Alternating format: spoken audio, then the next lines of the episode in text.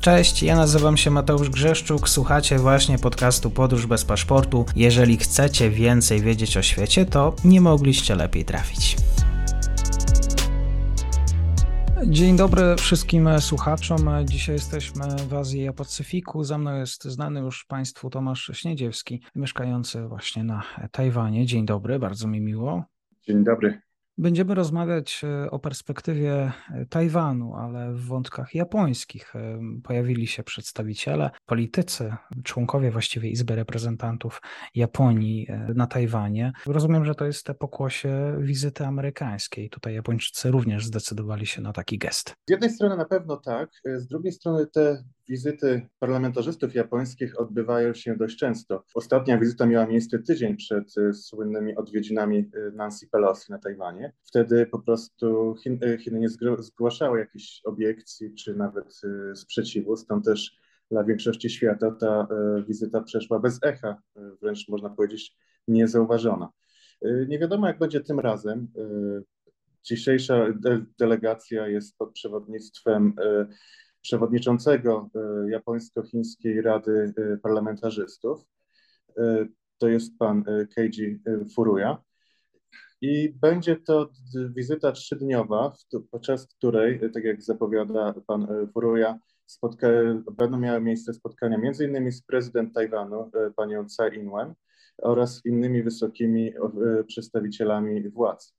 Jest, jedna, jest jeden punkt bardzo symboliczny tej wizyty, to jest e, odwiedziny grobu e, prezydenta Li Denghueya.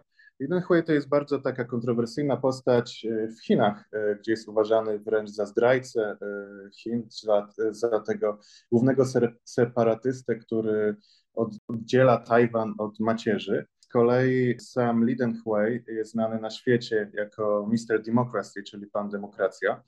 To jest bardzo ciekawa postać jest e, politykiem, który się urodził jeszcze w czasach kolonialnych na Tajwanie, czyli można powiedzieć jest Japończykiem. Jako dziecko e, ćwiczył e, kendo i zresztą do końca życia uważał się za Japończyka, więc jest to taka postać bardzo łącząca naród tajwański z narodem japońskim.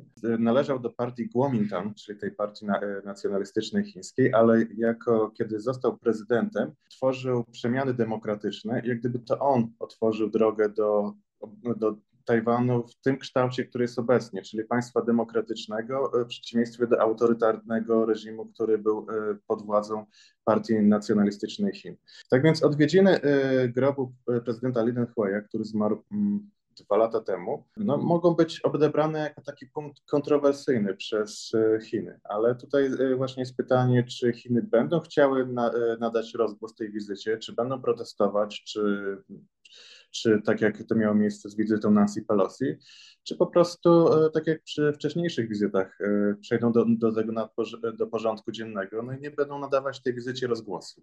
A czy właściwie Chińczycy mają jakieś narzędzia, żeby Japonię za taką wizytę ukarać? Sprawa jest dość e, tak, można powiedzieć, krótka odpowiedź jest tak, dlatego że mm, sama Japonia jest dość podzielona na temat polityki względem Tajwanu.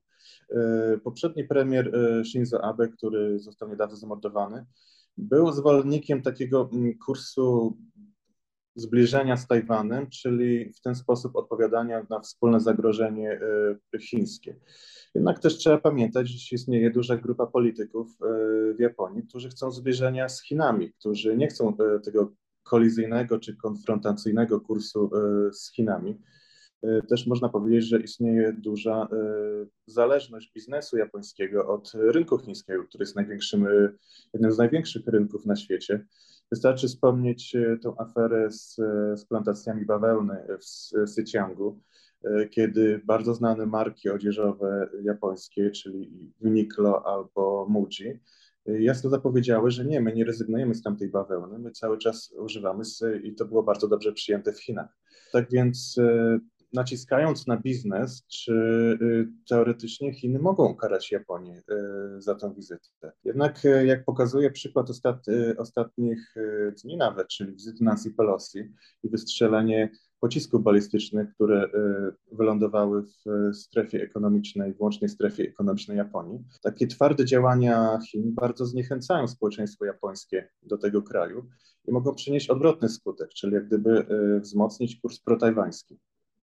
Teraz już jest nieco spokojniej, to jeszcze właśnie na zakończenie. Jaka atmosfera dzisiaj wokół Tajwanu? Jeżeli chodzi o społeczeństwo, to można powiedzieć, że atmosfera zawsze była taka dość e, spokojna. E, tutaj dużo jest tak, że e, Tajwańczycy przywykli do, tych, do agresji Chin i nie traktowali tego, tych manewrów jako poważnego zagrożenia, wręcz, no tak można powiedzieć, pomniejszali to. Chociaż jeśli chodzi o analityków czy polityków, no na pewno jest atmosfera oczekiwania, bo e, manewry przyniosły bardzo duże zmiany, e, zmiany stanu faktycznego w cieśninie tajwańskiej. E, wcześniej mieliśmy tę median line, czyli linię środkową na cieśninie tajwańskiej, która stanowiła nieoficjalną granicę pomiędzy aktywnością armii Chin, Armii Ludowo-Wyzwoleńczej oraz sił tajwańskich. Teraz ta linia przeszła do historii. Chińczycy dość śmieli sobie poczynają wokół tych wysp, no istnieje takie ryzyko, że będą e, próbowali stworzyć jak gdyby precedens, że właściwie to, to jest e, nasze wody terytorialne i my tutaj jesteśmy u siebie, i więc to jest to duże zagrożenie. I, mniej, i między innymi właśnie ta teraz e, cała seria wizyt po tych manewrach ma w pewien sposób przeciwdziałać stworzeniu tego, tego, tego precedensu, a również wysyłać sygnał solidarności Tajwanowi. Tak więc e, czasy są takich dużych zmian. E, nie wiadomo, jaki będzie e, ostateczny efekt końcowy. Czy faktycznie Chiny stworzą taki precedens, czy uda im się otoczyć Tajwan w sensie militarnym. Jedna rzecz jest pewna, raczej nie powiedzie się izolacja Tajwanu na arenie międzynarodowej. Ta wizyta delegacji japońskiej, czy zapowiadana na przyszły weekend, kolejna już czwarta w tym miesiącu wizyta delegacji Stanów Zjednoczonych, pokazuje, że izolacja Tajwanu na arenie międzynarodowej nie przebiega po myśli Chin. Jak ma się dzisiaj sytuacja właśnie w cieśninie tajwańskiej, również i wizyta japońskich polityków? W komentarzu Tomasz Śniedziewski, bardzo dziękuję. Dziękuję również, do widzenia. I to już koniec na dzisiaj. Zapraszam na profil podcastu Podróż bez paszportu na Facebooku, Instagramie i Twitterze. Zachęcam też do wsparcia mojej pracy na serwisie Patronite oraz Buy Coffee. Do usłyszenia.